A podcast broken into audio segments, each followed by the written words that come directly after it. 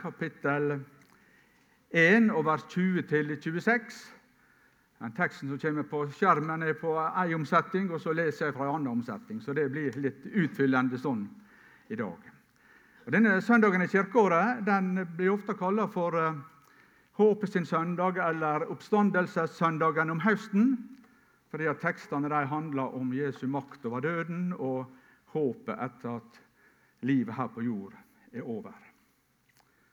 Nå leser vi sammen fra Filippabrevet kapittel 1 og fra vers 20.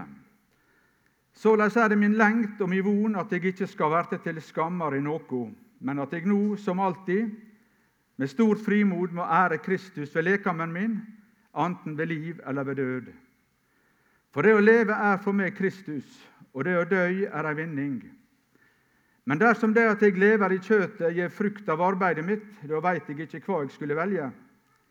Jeg kjenner meg dregen til begge sidene. Jeg har hug til å fare herifra og være sammen med Kristus, for det er så mye, mye bedre. Men av omsyn til dykk er det mer naudsynt at jeg blir værende i kjøtet. Og av det jeg er viss på det, veit jeg at jeg skal få leve og være hjå dykk, til framgang og glede for dykk i trua. Såleis at det rikelig kan rose dykk i Kristus Jesus for mi skuld, når jeg kjem til dykk att. Kjære Herre Jesus, takk for ordet ditt. Takk at det er levende og kraftig. Takk at det er et nådemiddel her og nå.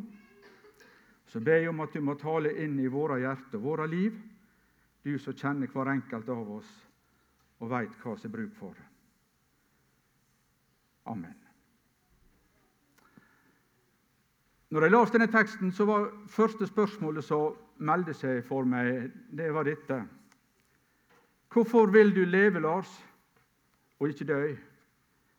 Hva er grunnen til at du ønsker å leve?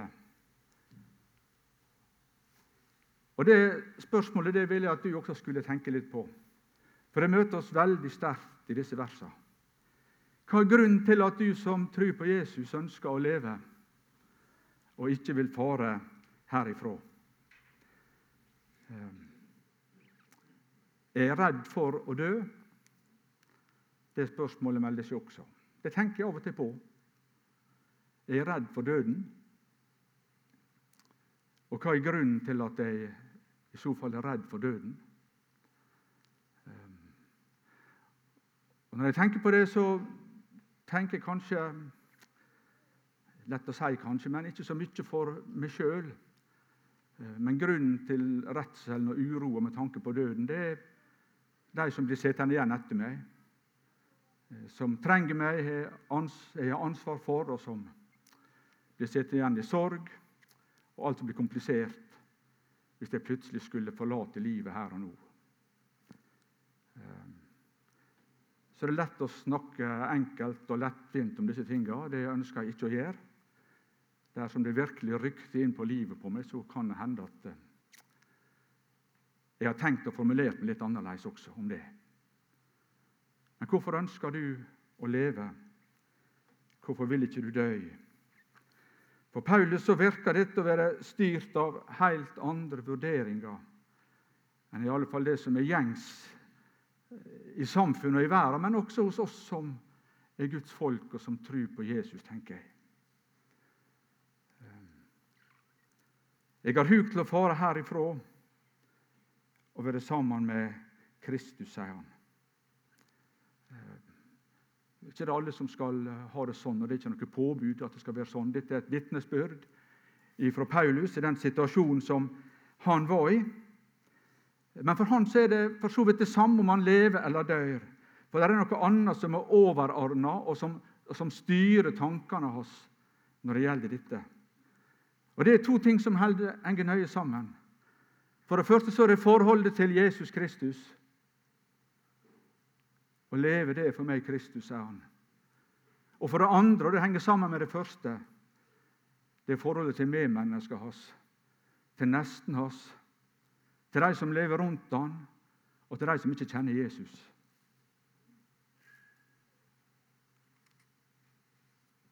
Hva ønsker Jesus for meg og mitt liv? Hva ønsker han for deg og ditt liv? Kan jeg bety noe for de som lever rundt meg? Kan jeg utgjøre en forskjell med tanke på det evige liv og livet etter døden for andre mennesker? Med det at jeg og du får lov til å leve og få noen dager til her på jord. At jeg må ære Kristus ved lekene, ved kroppen min, enten ved liv eller død, skriver Paulus. Og det merker at Han sier ikke 'ære Kristus' med ordene mine og flotte formuleringer, men 'ære Kristus' med lekene, med kroppen min. I tale, i ord og i gjerning, og det han er i hverdagen sin. Og så ærer han Kristus med kroppen sin når han lever. Det ønsker oss. Og så vil han være med å ære Kristus med kroppen sin den dagen han skal ligge som et lik ved død, sier han. Begge deler. Men av omsyn til dykk er det mer nødsynt at det blir værende i kjøtet, sier han. At det får lov til å leve. På grunn av dere, sier han i Filippi.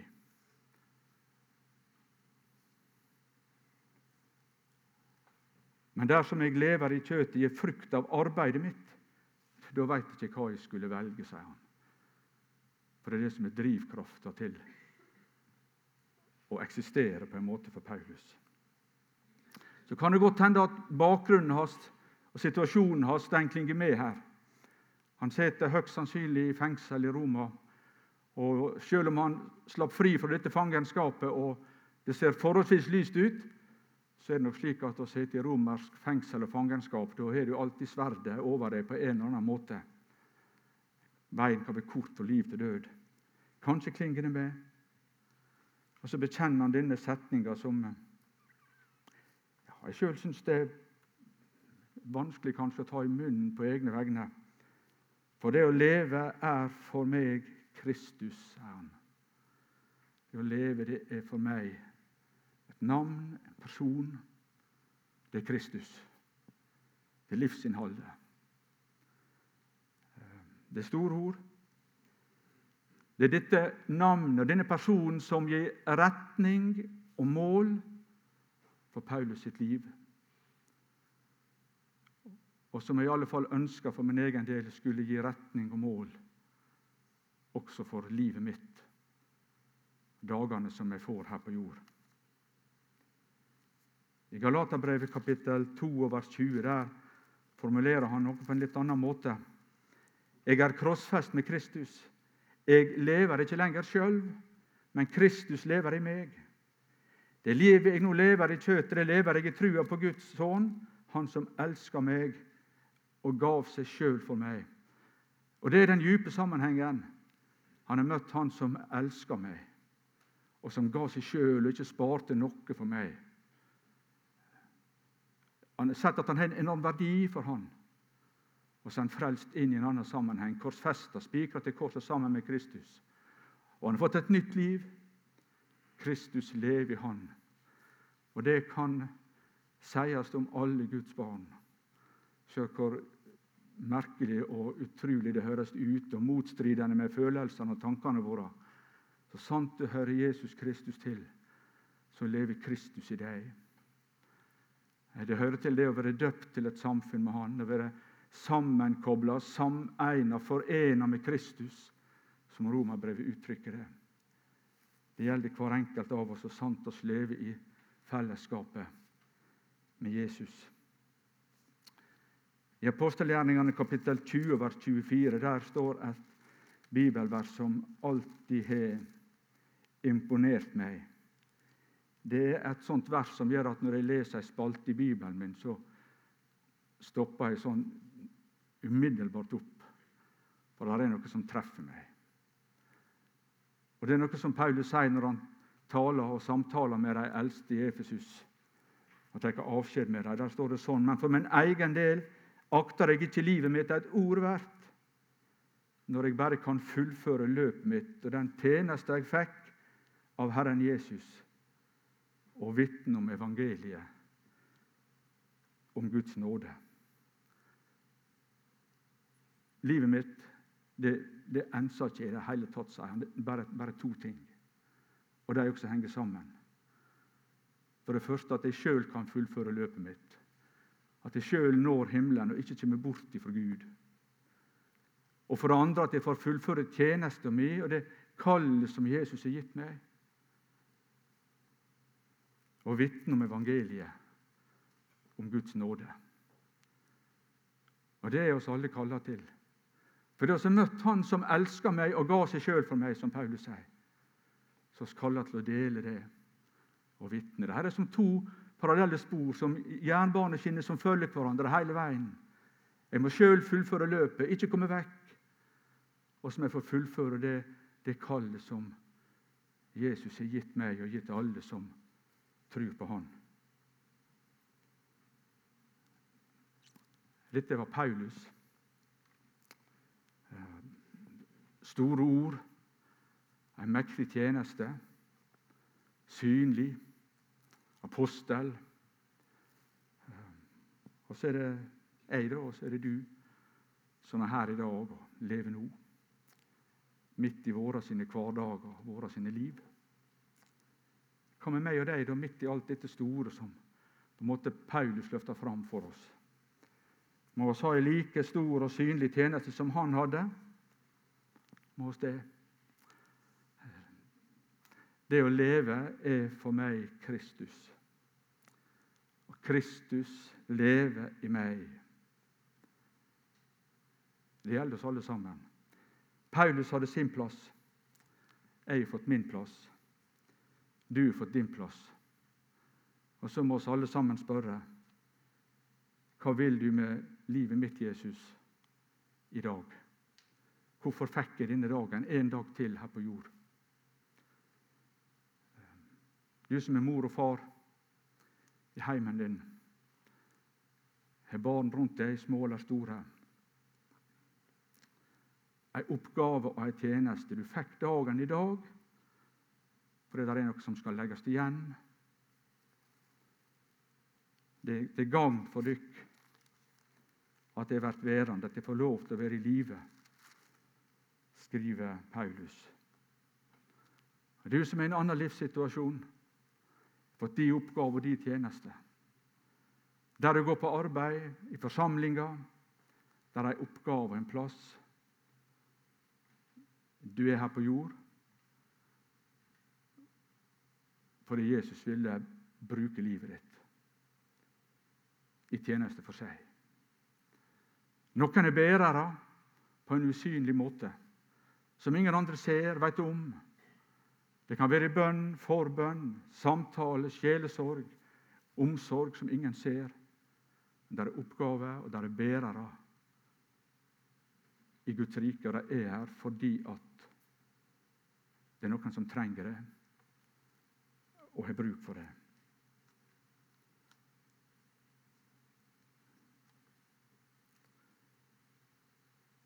Hvorfor fikk jeg du denne dagen?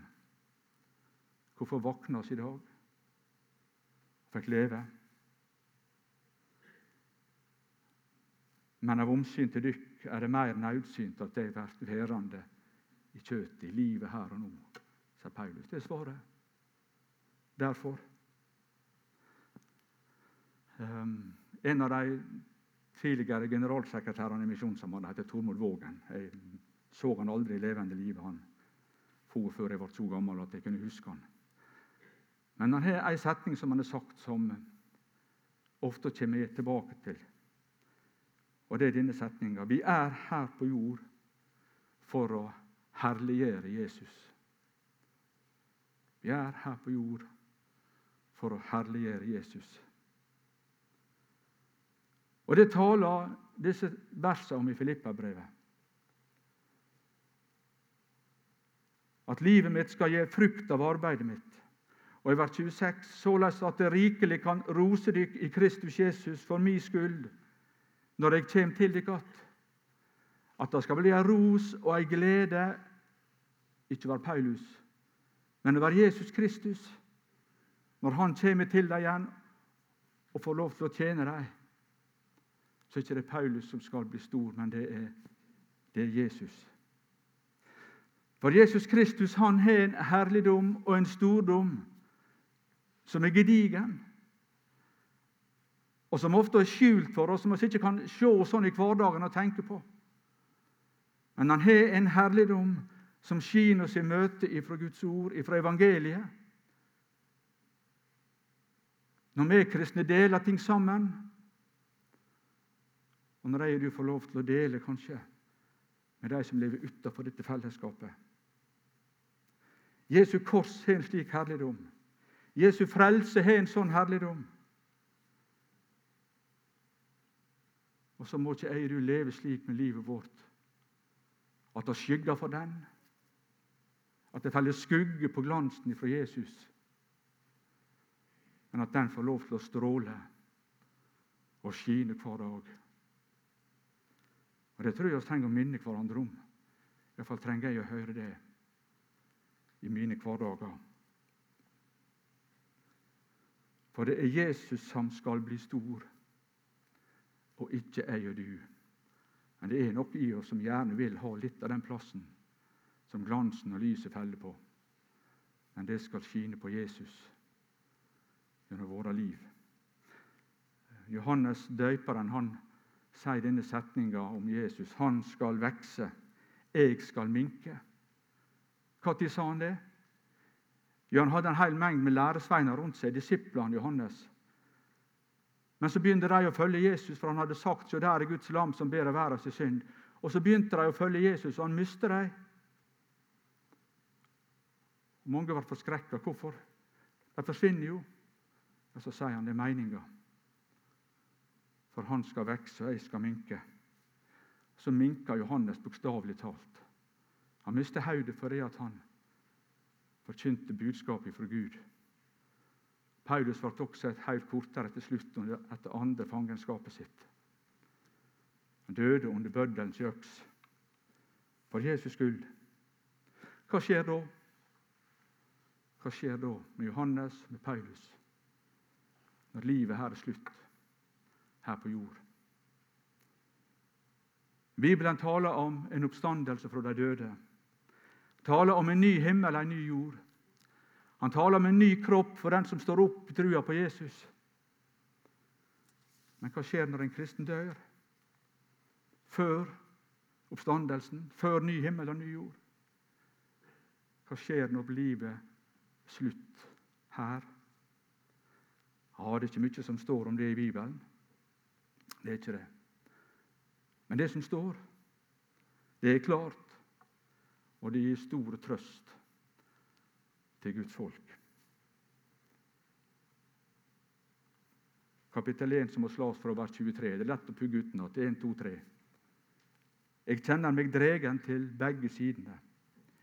Jeg har hug til å fare herifra og være sammen med Kristus. For det er så mykje, mykje bedre. Sånn leser vi fra Bibelen vår, ifra Guds ord. I det øyeblikk et Guds barn dreier sitt siste sukk, så er han hos Jesus. I det øyeblikk Paulus opplever det at den store øksa feller og deler hodet for kroppen hans, for det gjorde bokstavelig talt.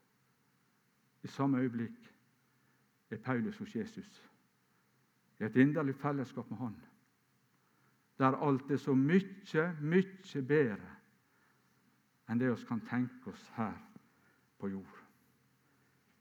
Eh, jeg syns dette er et fantastisk flott vers. Det forteller oss to ting om det som skjer når en kristen dør. Da er han sammen med Kristus, fellesskap med Han. Er der med en gang. Og for det andre det er mye, mye bedre enn å være her på jord. For et Guds barn er alltid det beste igjen. Det gjelder den som lever i fattigdom og nød og trengsel og store problemer. Og det gjelder den som lever i rikdom og glans og god helse og jublende dager her på jord. Det er bare småtteri mot det som venter i det å kommer på hi sida. Det hadde jeg lyst til å dele som en trøst til hver enkelt av oss som hører Jesus til. I dødsøyeblikket vårt så går oss til Jesus. Og det er så mye, mye bedre enn å være her.